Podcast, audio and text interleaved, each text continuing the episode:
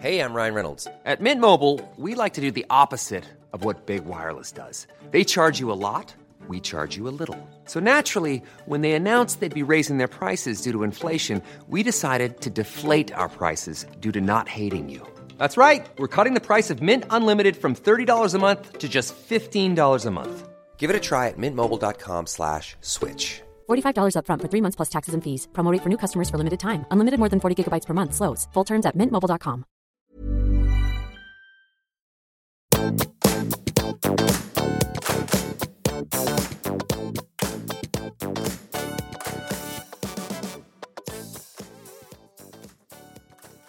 Hei, alle sammen, og velkommen tilbake til podkasten Karriereveiledning med Elaine.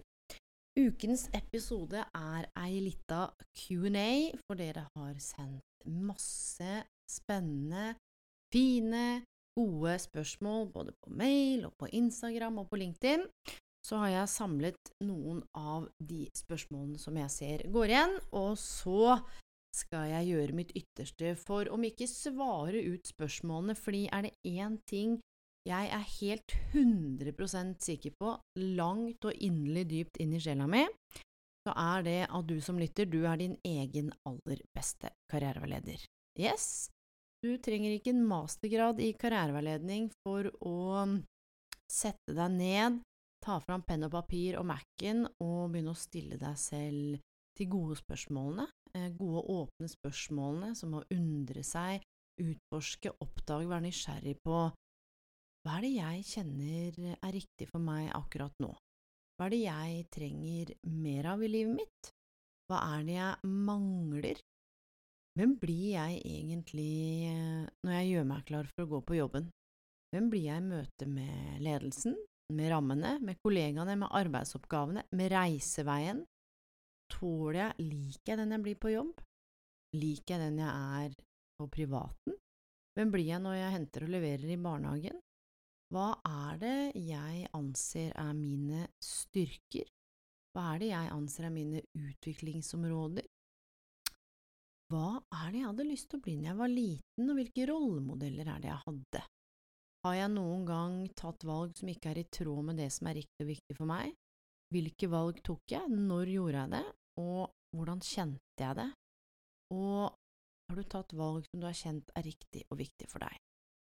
Og ofte er det jo sånn at det er jo ingen eh, utenfor deg selv som kan gi deg svarene, men Gud bedre og deilig det er å snakke med noen som kan eh, bistå i, forhold til å fasilitere, stille de gode spørsmålene, åpne refleksjonsrommet, tåle grining, snørr, sinne, glede, frustrasjon, nysgjerrighet, og være med deg på den reisen, definitivt.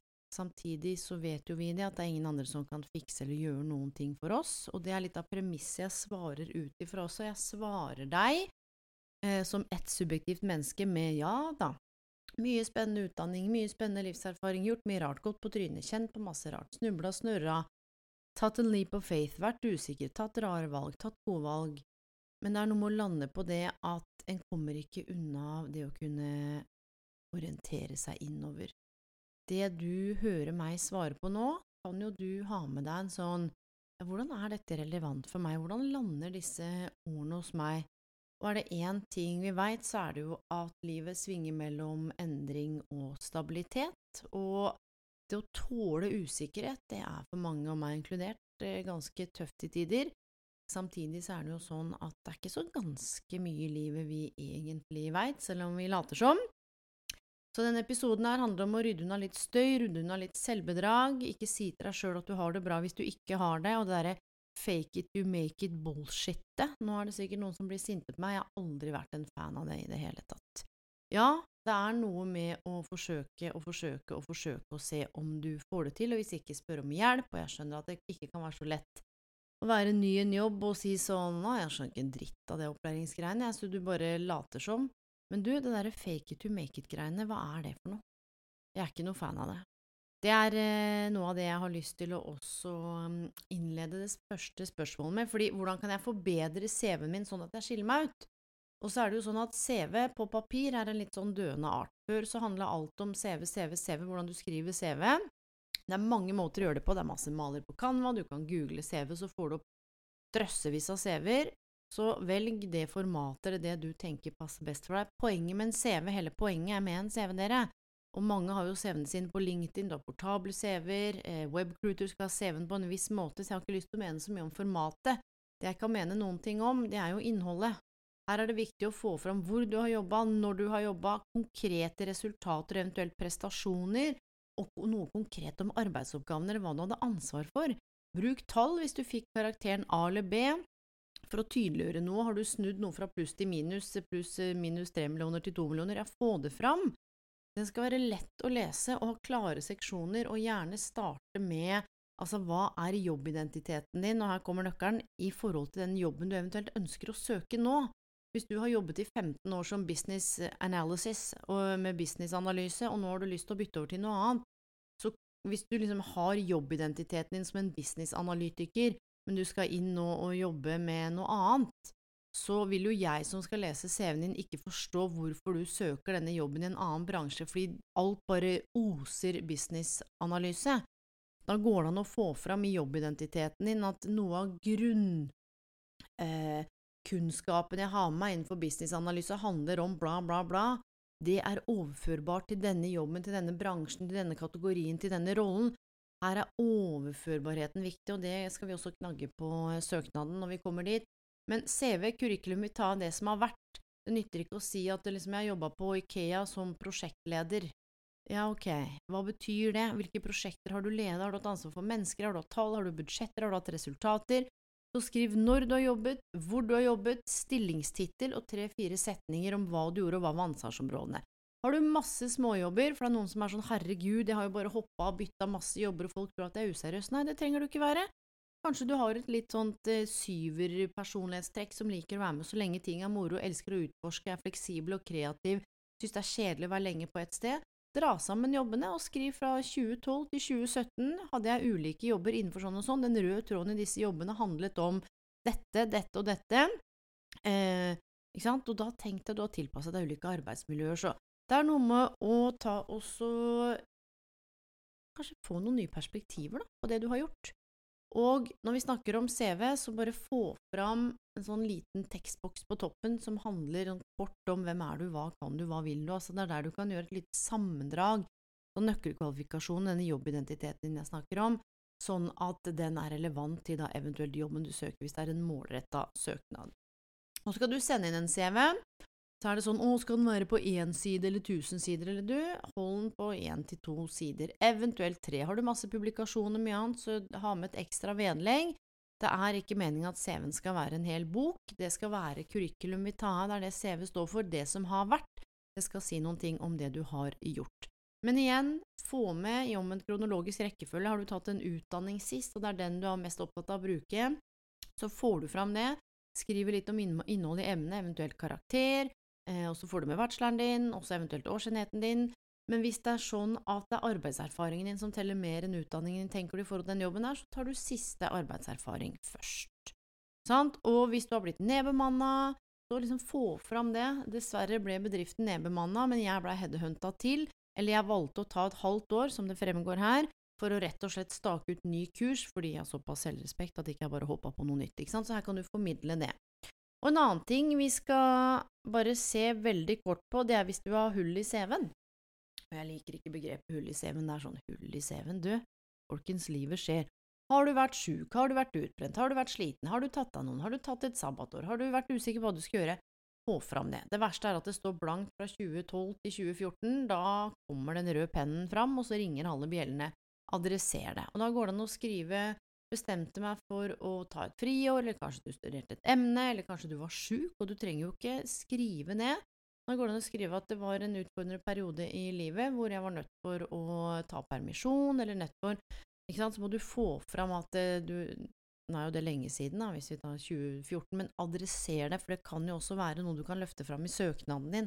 Og det her er hele poenget når vi beveger oss over til hvordan skrive en effektiv jobbsøknad. Jo, det gjør du ved to ting. Det ene er se på CV-en din, hva er det du vil fremheve som er relevant inni den nye jobben din? Se hva er det som har vært, Søknad skal du skrive deg inn i rollen og hva er det bedriften egentlig spør etter, for du skal være den matchen. Så kanskje bedriften du skal jobbe i er ute etter noe som handler om relasjonskompetanse eller prosjektledelse, eller eh, kanskje du skal jobbe med ulike instanser. så kan du si vel fra 2012 til 2014 så eh, hadde jeg et familiemedlem som eh, f.eks. var syk, du må jo velge hva du skal dele, og i den perioden var det jeg som var, hadde den koordinerende rollen inn mot alle de ulike instansene. Dette er viktig læring. Jeg tar meg inn i denne rollen jeg skal inn og jobbe med PPU, PPT, PPO, OPT, ikke sant. Så kan du få det til å bli viktig kompetanse. For en søknad, i den grad du skal levere fra deg en søknad, for jeg veit at i større grad nå så er det videointervjuer hvor du må svare på noen spørsmål, du må løse noen caser, eller bedriften bare sender deg fem spørsmål sånn hva veit du om firmaet vårt, motivasjon, hvorfor vil du jobbe her, hva slags kompetanse har du, så må du svare på det, mer enn at den skrev en CV og en søknad, sånn som en gjorde i gamle dager. Men det fins jo enda. CV-en din er CV-en din. Søknaden din er ikke en forlengelse av CV-en din, for det har jeg lest så mange ganger at har jeg sett CV-en, så har jeg sett søknaden. Søknaden skal fortelle en historie, du skal skrive deg inn i rollen og bruke konkrete eksempler på prestasjoner eller på erfaringer som demonstrerer eller som får fram ferdighetene og motivasjonen din. Og her kan du gjerne bruke chat-GPT og legge inn alt du finner om selskapet, og så kan du sant, prompte på en god måte og si hei, jeg er en jente på 26 år som er ferdig utdanna innen, jeg har tre deltidsjobber, her er hvordan ville du skrevet eh, Må du prompte det for å få en best mulig match? Det nytter jo ikke bare å legge inn eh, informasjon om selskapet si skriv en god, eh, god, søknad. Og Poenget er at når du prompter riktig og gjør dette, og du får ut et utkast, akkurat som jeg starta med innledningsvis, du er nødt for, nå skal jeg si, må gå inn i deg sjøl, Se om du blir brukt disse ordene, se om du kan omskrive det, bruk det som en støtte, sånn at du blir redaktøren, men at dette må kobles på deg så ikke du kommer i intervjuet og så spør de ja, det står her at du er driftig, og så er det ikke et ord du ville brukt i det hele tatt, og så sliter du med å svare på det, for CV, søknad og jobbintervju henger ekstremt tett sammen, det er på bakgrunn av CV-en og søknaden ofte du blir kalt inn til intervjuet, og da er det jo greit å ha ganske good handle on hva er det egentlig disse dokumentene forteller. Noe av det viktigste du kan gjøre, er å gjøre god research. Så skal vi aldri undervurdere om bedriften. ikke sant? Er bedriften gammel? Samarbeidspartner? Roller? Hva er det de driver med, egentlig? Eh, bærekraftsmål, misjon, visjon, verdier. Gjør research, men les stillingsannonsen. Gjør en tolkning av stillingsannonsen ganske nøye i forhold til Se på brødteksten når de skriver om seg sjøl. Alle hopper nesten glatt over det, men der er det masse informasjon. Vi er en bedrift i vekst. Vi er et multimangfold konsern. Vi opererer i flere land. Vi er nå i vekst og er på jakt etter to seniorrådgiver til. Det er en kompleks stilling. Ok, det er noe som er komplekst. Så les brødteksten godt, gjør deg noen tanker, og så begynn å se på kvalifikasjoner og vær nøye på om det er må- eller bør-krav. Må du ha lappen, så må du ha lappen. Ikke sant? Da nytter det ikke at du kan eh, kjøre sykkel, for det kan være at du skal reise lange avstander for å få den jobben her. Ikke sant? Og du, skal du bli lege, så må du ha en autorisasjon der i bånn som lege, så det er liksom ikke noe å tenke på. Så få fram forskjellen på må- og bør-krav, men vær nysgjerrig på hvis det er bør-krav eller det står kvalifikasjoner, og du tenker nei, jeg har egentlig ikke det de spør etter, akkurat sånn de spør etter det, men jeg har tverrfaglig kompetanse, eller jeg kan bidra på min måte med min utdanning og erfaring.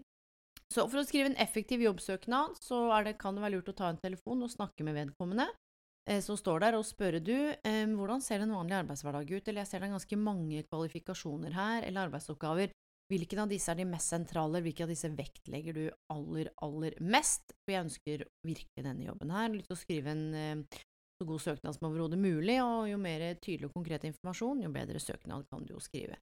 Og da kan du jo starte med å vise til hyggelig samtale med daglig leder Elinor Haugen, med å søke med enda større interesse. For eksempel, få med motivasjonen min. Min motivasjon, det er det aller første jeg lurer på, det er det aller siste jeg leser om. Eh, jeg tror jeg har lest 50 000 CV-er og søknader i mitt liv de siste 15 åra.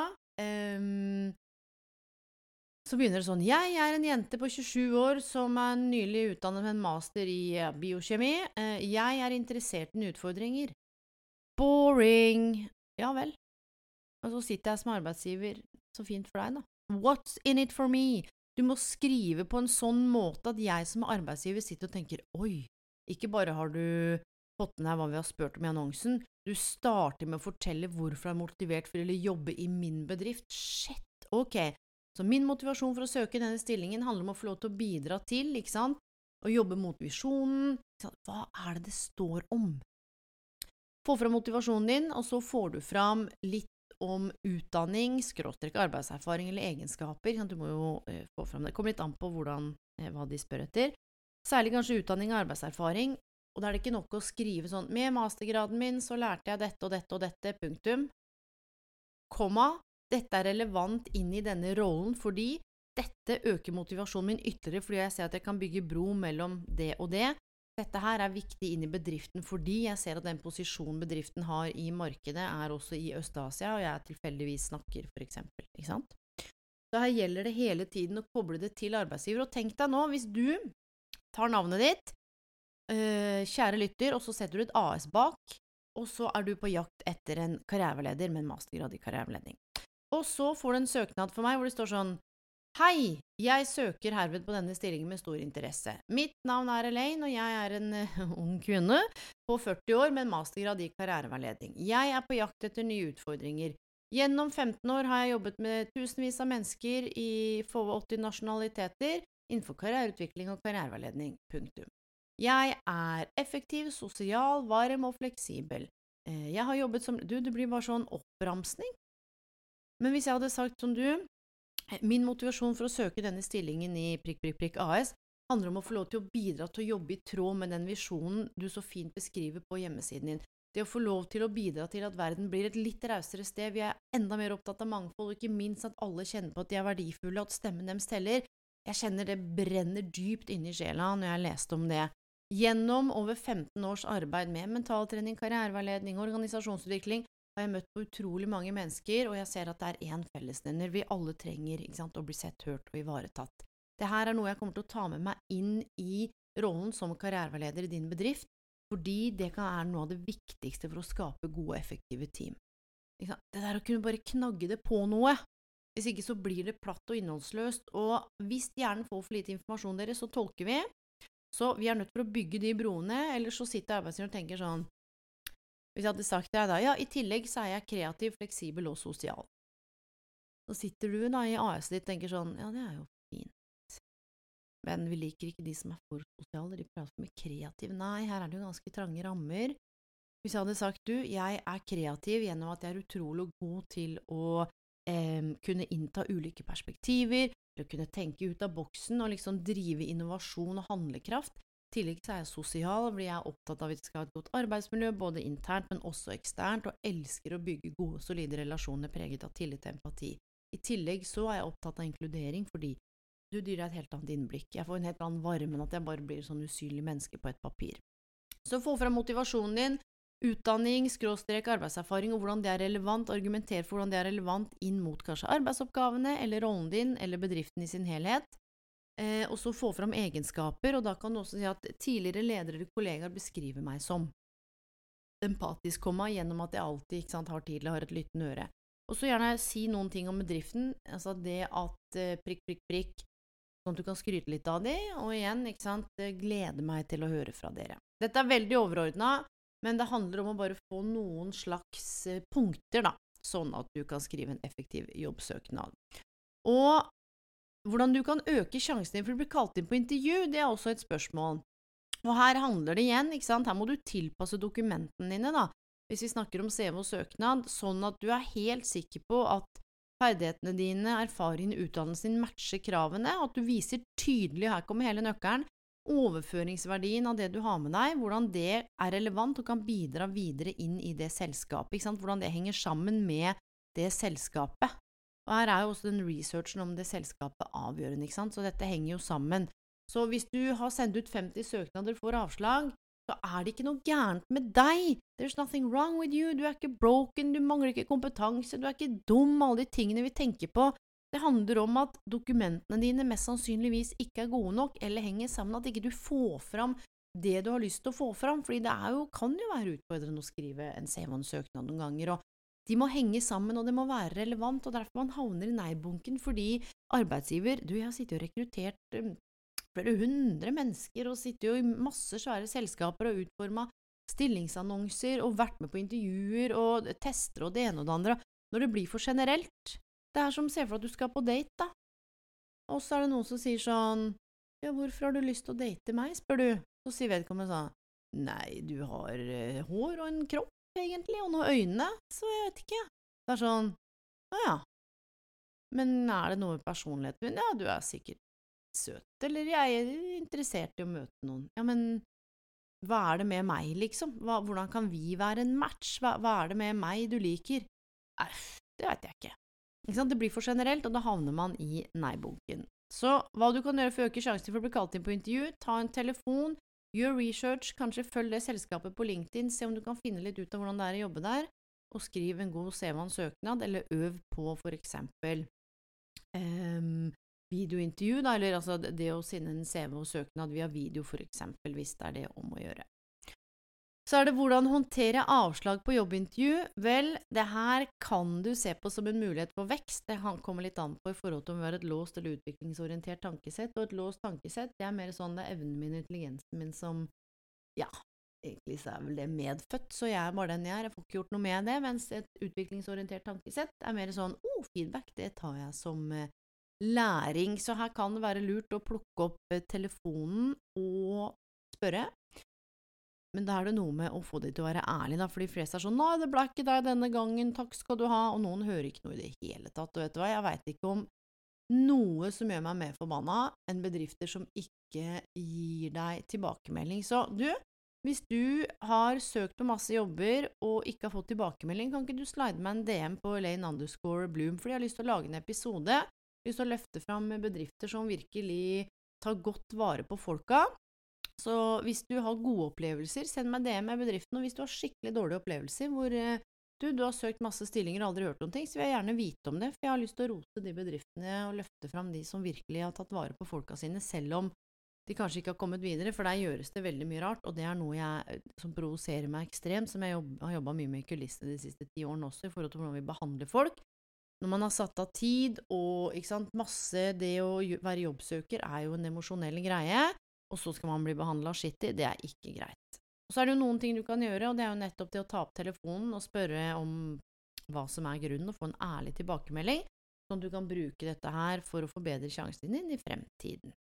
Eh, det tenker jeg kan være veldig, veldig relevant. Så er det noe med å holde motet oppe, da. Det er lett å si, men her er det viktig å vite at det er ikke noe gærent med deg noen ganger så er det noen som har bedre kompetanse, noen så er det noen som er bedre egna, noen ganger så er det noen som har klart å kommunisere bidragene sine bedre enn deg. Sånn er det bare, og så er det noe med å eh, se på hva er det du kan gjøre bedre, og hva kan du for eksempel gjøre mer av. Og det kan jo ligge i forberedelsene, kanskje du blir nervøs, så ha en sånn liten refleksjon omkring det. Ok, hvordan kan jeg navigere i karriereendring eller jobbbytte? Vel, skal du gjøre et godt karrierebytte eller karriereendring, dette blir jo litt sånn stort å svare på, fordi det er forskjell på å bytte fra Kiwi til Meny enn å gå fra sykepleier til å bli mekaniker, eller å gå fra å være fast ansatt til 20 år til å bli gründer. Um, så nå jeg, vet jeg jo ikke helt hva karriereendringen eller jobbbytte gjelder. Jeg tror det handler om å reflektere over vil jeg bytte i samme bransje, skal jeg inn i en helt ny bransje? Um, her er det noe med den selvrefleksjonen, da, å kunne identifisere Ok, hva er styrkene mine, interessene og verdiene mine, hvilken kompetanse har jeg opparbeida meg, hva er det som gjør nå at jeg vil videre? Det tror jeg er kanskje det viktigste spørsmålet. Hva er det som gjør at jeg vil videre? Hvorfor vil jeg videre? Hvordan vil jeg videre? Hva er det som gjør at jeg vil videre? Hva er det jeg har nå som er bra? Hva er det jeg eventuelt mangler? Og legg merke til om det handler om sjefen, kollegaene, arbeidsmiljø, reisevenn. Dette er jo midt i gryta på karrierehelsemodellen også, hvor vi kan gå inn og ta pulsen og se hva det egentlig dreier seg om. Er det det at du syns det er vanskelig å sette grenser, du begynner å bli sliten? Da kan det være en liten sånn rødt flagg, for da bytter du jobb, men så tar du med deg det mønsteret inn i den nye jobben, så blir du sliten der òg. Eller er du lei av å prestere hele tida, for du har det som mønster, for det er der du får verdi fra, og så bytter du jobb, og så fortsetter du å prestere og få verdi, og så skjønner du ikke hvorfor du blir sliten, men det er jo grunnen fordi we repeat what we don't repair. Så her hadde jeg nok for eksempel snakket litt med nettverket mitt, utforsket relevante Kanskje kurs eller utdanninger eller sertifiseringer? Er det noe du må være forberedt på i forhold til å starte mindre lønn? Må du starte en annen stilling? Men jeg tror det handler her du skal gjøre et godt karrierebytte. Det kan ta tre uker, eller det kan ta to år, det er litt opp til deg. Så handler det om at folk må vite at du ønsker å bytte, og at du er relativt transparent. Hvis du skal ha integritet i prosessen, så trenger du ikke gå til sjefen og si jeg er drittlei jobben, jeg, så nå begynner jeg å bytte. Eh, men du kan både være i jobb og ha lyst til å bytte jobb, men da må du reflektere over hvordan gjør du det med referanser.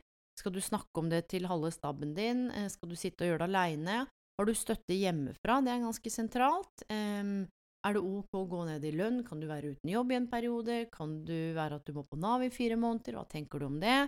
Så det å Hva du bør vurdere før du vurderer å bytte jobb, det er jo en del av de tingene jeg har snakket om nå. Så er det selvfølgelig andre ting også, det er jo økonomi, familie, jeg var innom økonomi, men familie, ikke sant. Er dette bærekraftig at du er uten jobb et halvt år, hva skjer med de rundt deg? Så det kan jo være at en må involvere flere, da, i dialogen. En ting jeg kan si, hvis du, hvis du begynner å tenke på at du har lyst til å bytte jobb, do not lie to yourself. Ikke, ikke tro at det går over, det er en grunn til at det er der, og jeg jobber jo med folk som har hatt lyst til å bytte jobb i 10 år, eller 15 år. Um, kommer 15 år etterpå, utslitt og omtrent utbrent fordi åh, jeg har tenkt på det så lenge. Du, her er det litt den der leap of faith også, men her kan vi tenke både og. Hva kan jeg gjøre mens jeg er i jobb? Kan du gå ned i 60% mens du bruker 40% av tiden på å søke på jobber, eller starte for deg sjøl, eller begynne på studiet? Så jeg, fordi du er din egen karriereleder, så veit jeg at du veit om du bør bytte jobb, og hvorfor. Just get still. Gå ut i naturen, ta deg en tur, finne fram penn og papir. Eh, du bare sitt. Sitt med de spørsmålene, og bare skriv ut det som kommer, sånn at du får tankene dine ned på papir. Ok, hva bør jeg vurdere eh, hvis jeg har lyst til å bytte studie eller karrierevei? Det er mye av den samme, men igjen, eh, researchen. Samme er det med studiet også, du. Det er ikke noe skam i å bytte jobb, det er ikke noe skam i å bytte studie. Det kan jo være at det studiet ikke var for deg. Det eneste jeg har lyst til å si, er at husk at av og til når vi møter motstand, så kan vi ha lyst til å bytte, men da må vi utforske hva den motstanden er. Er vi redd for ikke lykkes, redd for ikke mestre, redd for alle skal synes med oss, så er ikke nødvendigvis det en god nok grunn til å bytte. Men skal du bytte studie, så sørg for at du veit hva du bytter fra, hva du bytter til. Da. Snakk med aktuelle mennesker innenfor feltet, delta på arrangementer, workshops, og snakk med en mentor eller eventuelt karriereveileder eller noen, en professor, inn i feltet, da. Sånn at du får litt oversikt over uh, hva det er du går til, sånn at når du bytter fra utviklingsstudie til sosiologi, at ikke det blir sånn det var ikke dette jeg ville, og det var ikke dette jeg ville. Samtidig, dere, vi veit aldri noen ting om hvordan ting blir før vi faktisk tester ut. Vi kan late som vi tror det er å være i det forholdet, den jobben, med det mennesket, uh, med de kollegaene, men vi veit ikke. Ok, så er det jo et spørsmål som har kommet inn, og det var det som har kommet inn mest. Hvordan forhandle om lønn og andre goder? Vel, vel, vel. Her kan du bruke eksempel SSB, hvor du kan forske på lønn innenfor bransjestandarder, eh, både offentlig og privat sektor. Her kan du også se da hva er det en master, en spesped, eh, nyutdanna får betalt, eller hva er det en lærer med 20 års erfaring får betalt.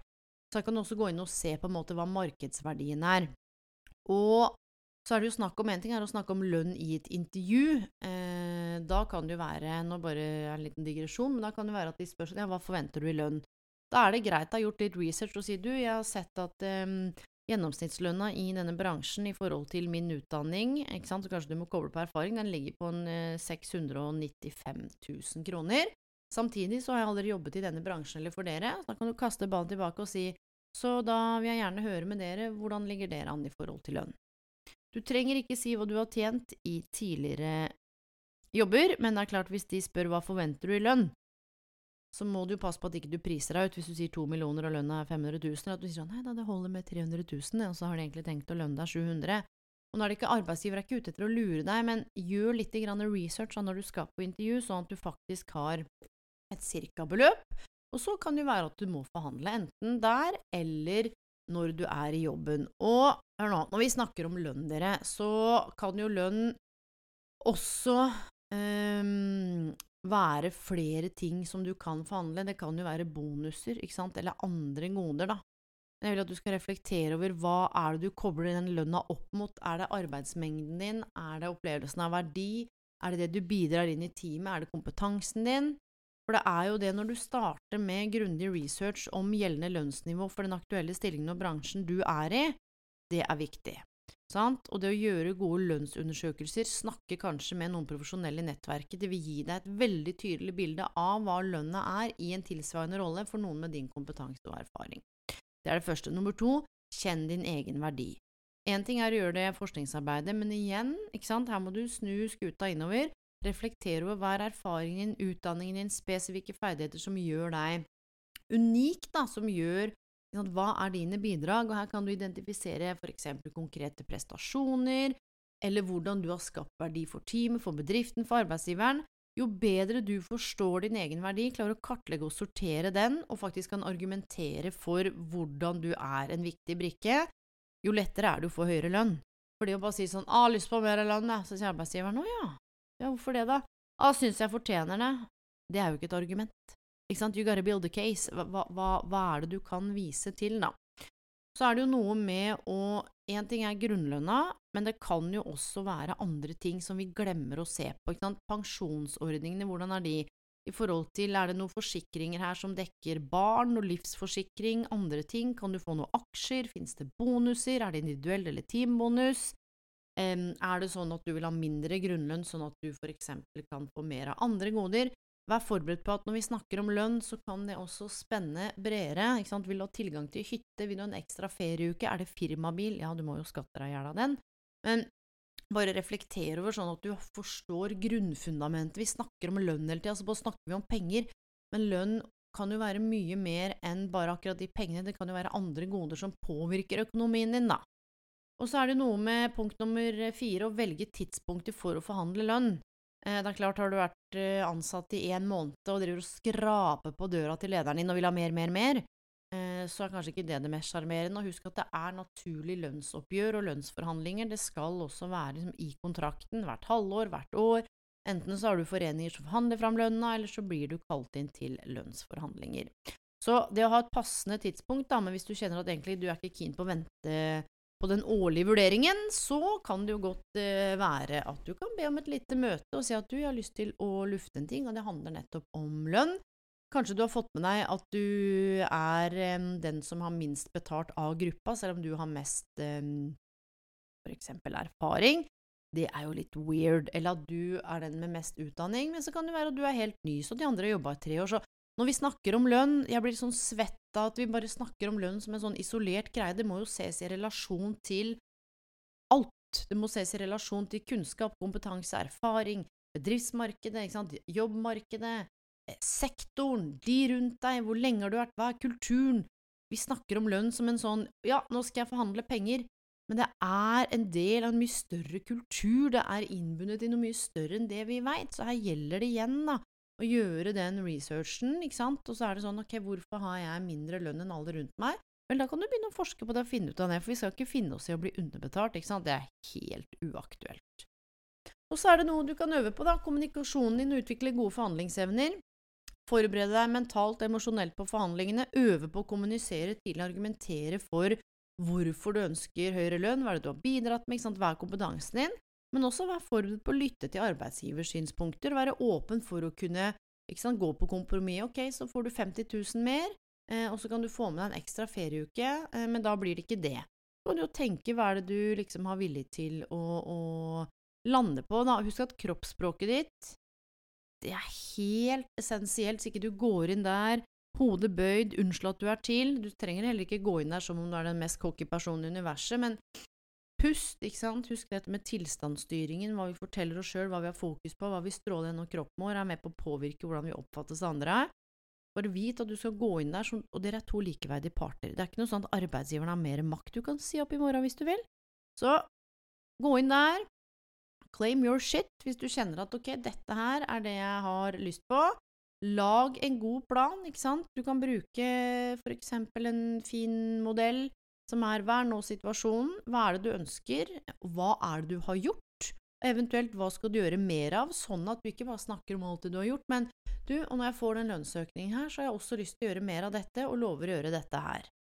Så husk da at du må ha en tydelig tanke om hva du aksepterer og ikke, sånn at du har en sånn slags walkaway-grense. Så jeg har bare lyst til å si det, at ikke du går ut hardt, og så blir det sånn, så godtar du alt. Jeg sier ikke at du skal være villig til å gå, og pass på at ikke du sånn nei, da sier jeg opp hvis ikke jeg får vilja mi. Da får du tenke sånn, ok, nå har jeg bedt om 100 eh, 000 mer, det er ikke aktuelt, det er et tak. Greit, da får du enten vurdere hva du skal gjøre, da, men ikke hiv det ut, da får du gå og tenke litt på det. Du kan du begynne å titte ut av døra, og så veit vi at lønn er jo ikke alt, ikke sant. Men vær klar til å diskutere ytterligere ansvar og prestasjoner, og hvis du har tatt på deg kanskje ekstraansvar, nå holder du på med sosial bærekraft, kanskje du har vært med på å skape ekstraordinære resultater, fått opp en ny avdeling, bare vis hvordan innsatsen din har vært viktig for selskapet, og hør nå, ikke bare innsats i presentasjoner, hva gjør du for arbeidsmiljøet, Hva gjør du for de nye kollegene? Hvordan bidrar du til mangfold? ikke sant? Tenk på disse tingene her, da. Det er også kjempe, kjempeviktig. Så jeg håper det her har vært nyttig, og så skal vi se på tre raske spørsmål til. Hvordan kan jeg håndtere stress og usikkerhet knytta til jobbsøk og karrierevalg? Du, jeg har én ting jeg har lyst til å si, og det er å koble deg igjen litt uh, innover. Her er faktisk det å ta vare på seg sjøl nøkkelen, for det kan være sjukt stressende emosjonelt og fysisk og mentalt å bytte jobb. Det er litt sånn berg-og-dal-bane. Så det å ha en god plan, sette seg realistiske mål, prioritere de oppgavene du har bestemt deg for å gjøre, unngå å sammenligne deg med alle andre hele tida, for noen tok det kortere tid, noen tok det lengre tid. Ta veldig gode pauser, og søk råd og støtte fra venner og familie og profesjonell som, som vil deg vel. Det er faktisk sånn at når mange har lyst til å bytte jobb, så opplever de manglende støtte hjemmefra fordi partneren er redd for at oi, tenk deg hvis, ikke sant, med pengene, tenk deg hvis ikke du får jobben, oi, skal du begynne å flørte med nye kollegaer? Du, det kan følge med ganske mye ting som vi ikke helt får tak i når det ene parten, f.eks. en relasjon, skal gjøre bytter. På den annen side, hvis du er aleine eh, eller ikke lever sammen med noen, så kan det være at det er viktig uansett å alliere seg med et støtteapparat. Og da er det være tydelig på hva du forventer av det støtteapparatet. ikke sant? At de er real talk med deg, men at de er der og heier på deg. Og igjen så er det denne, når du er på jobbsøkeren, en slags job seeking balance. Um, det å ta vare på karrierehelsa di tenker jeg er utrolig sentralt. Og vite at ting kan ta bitte litt tid, men det trenger ikke ta altfor lang tid. Det handler ofte om innsats og holdninger, og, og du, folk må vite at du fins. Det er liksom det aller viktigste. Så har jeg fått et spørsmål her. Um, Hei, Lane. Begynte å høre på podkasten din der jeg søkte på jobbintervju på podkast. Veldig lærerikt inspirerende. Tusen, tusen takk. Um, ser på meg selv som en som gir et godt inntrykk og er dyktig i intervju. Uh, og dette, nå fikk jeg liksom en ekstra boost. Um, jeg har vært ute av jobbmarkedet siden mai 2023, prøvd å komme meg inn igjen. Det er treigt. Og så har jeg nevnt at jeg skal i pappaperm. Vet ikke om de har krav på å vite om det, men vi spiller med åpne kort. Spørsmålet er om jeg skal endre taktikk og ikke si noe om dette før ansettelse. Føler jeg dårlig start på arbeidsforholdet, men ønsker jo å sikre meg jobb snart òg. Det her syns jeg er sinnssykt bra. Dette er en pappa som har skrevet inn. Tusen, tusen takk skal du ha. I utgangspunktet nei, så har du ingen rett til å vite at du skal i pappaperm. Samtidig så er det jo noe med, ikke sant, når er oppstarten? Hvis ikke du har sagt noen ting, så bare woho! Og så går de for deg, og du har sagt at du er opptatt av tillit og lojalitet, og så sier de 'yes, du har jobben, og du skal starte 1. mars'. Og så er det sånn øh, Ja, det er fint, og så får du en opplæringsplan de neste tre månedene.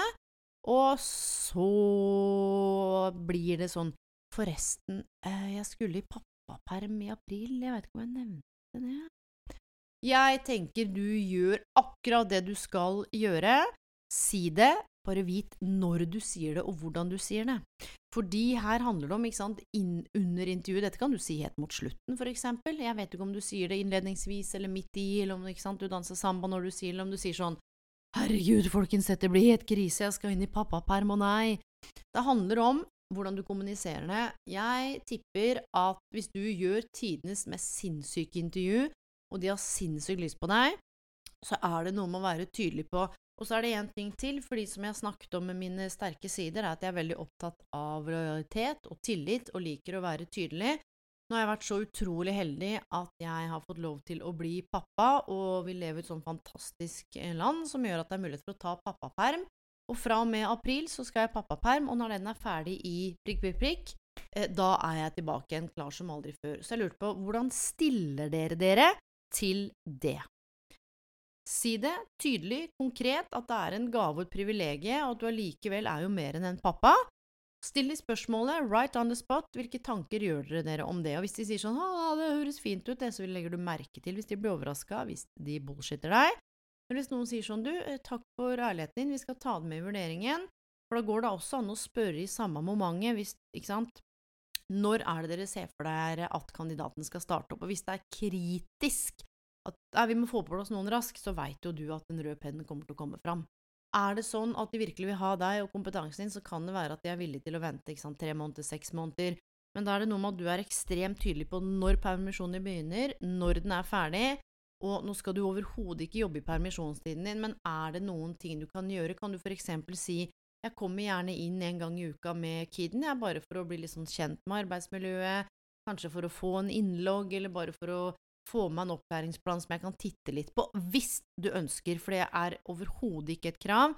Men bare legg merke til hvordan du også kan legge til rette for at de da tenker at oi, shit, så kult. Sånn? Så hvordan du sier det, når du sier det i samtalen, avdekk Hvis de sier sånn her, da Nei, det er jo samme når noen starter opp innen et halvt år. Du, da veit du. Sant? Men trenger du noen raskt? Så jeg digger jo at du har lyst til å være ærlig, og det tenker jeg er viktig, for det er skikkelig dritt å få i ansiktet som eh, leder etterpå, altså. Så jeg håper det var noe nyttig. Og så er det en til her. Hei, Lane. Jeg sitter litt fast i sånn i, i arbeidslivet, litt den problematikken at jeg gjør mer arbeid og yter mer enn jeg får lønn for, eller at jeg fortjener å få bedre stilling. Har du noen råd til meg? Yes! Finn ut av hva Altså, hvilke arbeid er det du gjør mer Altså, hva er det jeg prøver å si for noe? Få fram stillingsinstruksen, se på den tydelig, og så skriver du ned hva du yter ekstra, tilleggsarbeid, hva du gjør i forhold til arbeidstider, arbeidsoppgaver, sosiale Se hva er det du gjør, og så ser du hvor stort gap det er mellom hva du er betalt for å gjøre, og hva du faktisk gjør, og legg merke til hvorfor er det du yter mer. Handler det om at eh, hvis ingen andre gjør det, så blir ikke jobben gjort? Handler om at du får verdi gjennom å hele tiden eh, bli signifikant gjennom å jobbe, så er det vanskelig å si nei? Handler om at det er du som må prestere? Er det en liten bedrift? Hva er det som gjør at du kjenner på at du yter mer? For det er en skikkelig kjip følelse. Det har jeg kjent på sjøl, og det holdt på å kill me, altså. Eh, før jeg tok tak i det, så jeg har vært der du er, så jeg både ser og hører deg. Og det at du med, gjør mer jobb enn det du får lønn for, det er jeg også kjent på. Jeg regna på timelønna mi en gang da jeg jobba et sted, det er 20 år siden, da jeg tror jeg hadde sånn 23,50 i timen. Jeg egentlig skulle hatt mye mer, fordi jeg jobba så sjukt mye, for det var en sånn uttalt forventning. Hadde jeg visst det jeg hadde visst da, så hadde jeg bare stoppa det med en gang. Så legg merke til hva er det du gjør utover stillingsinstruksen, nummer én. Nummer to, virkelig dig deep. Hva er det som gjør at du yter mer enn det du faktisk får lønn for? Er det fordi de generelt behandler deg skittig, betaler dårlig? Um, og du, hvis du fortjener en bedre stilling, argumenter for hva slags stilling. Er det et firma du vil være i? Trives du der? Hva slags type stilling, hva slags kunnskap, kompetanse, erfaring, utdanning, egenskaper har du med deg for å fylle den rollen, og vær tydelig på det. Du, no apologies, du har vært mye mer enn det du tror, og det å gå og kjenne på dette her, det er ikke noen god følelse. Og her kan du ta tak og gjøre det på en ordentlig måte, så jeg håper at eh, noe av dette her var nyttig. Woo! Og med det, mine kjære venner, håper jeg at jeg har kunnet løfte fram noen refleksjoner, tanker, svar i hermetegn. Og jeg digger at dere skriver til meg, jeg digger at dere sender inn ting, og selv om det kan ta litt tid før jeg svarer, så er det jo fordi at det er jo nettopp noe med å kunne løfte fram alt dette her, da, og samle det, sånn at det blir skikkelig bra episoder. Tusen, tusen takk for at du lytter. Gjerne del episoden. Det var en som skrev til meg Jeg sjekker aldri sånn tall og statistikk og hvor mange er som lytter og eh, Fordi jeg bare elsker å lage den podkasten her. Men vet du hva jeg har bestemt meg for nå i 2024? Jeg vil at podkasten min skal bli mer synlig. Jeg har jo veldig lite spons på den. Jeg lurer på om det er én sånn reklame i ny og ne som gir meg sånn 500 kroner i kvartalet. Sånn en eller annen tøysereklame innledningsvis. Eh, eller så kunne jeg lagt inn masse reklame i midten og på slutten. Men du, jeg er liksom ikke keen på at du skal drive og høre på masse drit i ti minutter. Jeg vil at du skal få lov til å få noe ut av den podkasten her. Men jeg hadde blitt skikkelig glad hvis du delte og rata den. Eventuelt Jeg har lyst til at podkasten min skal bli topp 100 eller topp 50 podkast i 2024. Og jeg skal gjøre det jeg kan for å legge ut episoder suksessivt. Jeg har vært litt sånn, nå har det gått to uker men at jeg også gjør mitt, og at dere fortsetter å sende inn ting, spørre om ting, sånn at jeg blir jo sjukt motivert for å lage de episodene her. Og husk at Karrierehelse skal ut på turné i Tromsø, Bergen, Trondheim og Oslo. Sjekk ut konferanseplassen.no. Der finner du mer informasjon. Du kan melde deg på som leder, du kan melde deg på som ansatt, du kan melde deg på som gründer, du kan melde deg på som direktør. Altså, du, her handler det om, hvis du jobber med mennesker, veiledning, inkludering av helsepersonell, selger, markedsfører Uansett hvis du har noe med mennesker å gjøre, eller er opptatt av å ta vare på egen karriere, eller så lurer på hvordan du virker på andre, så er dette noe for deg. På gjenhør! Love you guys! Ever catch yourself eating the same flavorless dinner three days in a row? Dreaming of something better? Well, HelloFresh is your guilt-free dream come true, baby. It's me, Gigi Palmer. Let's wake up those taste buds with hot, juicy pecan-crusted chicken or garlic butter shrimp scampi. Mm. Hello Fresh. Stop dreaming of all the delicious possibilities and dig in at HelloFresh.com. Let's get this dinner party started. Hi, this is Craig Robinson from Ways to Win, and support for this podcast comes from Invesco QQQ. Invesco QQQ is proud to sponsor this episode and even prouder to provide access to innovation for the last 25 years. Basketball has had innovations over the years, too. We're seeing the game played in new ways every day. Learn more at Invesco.com slash QQQ. Let's rethink possibility. Invesco Distributors, Inc.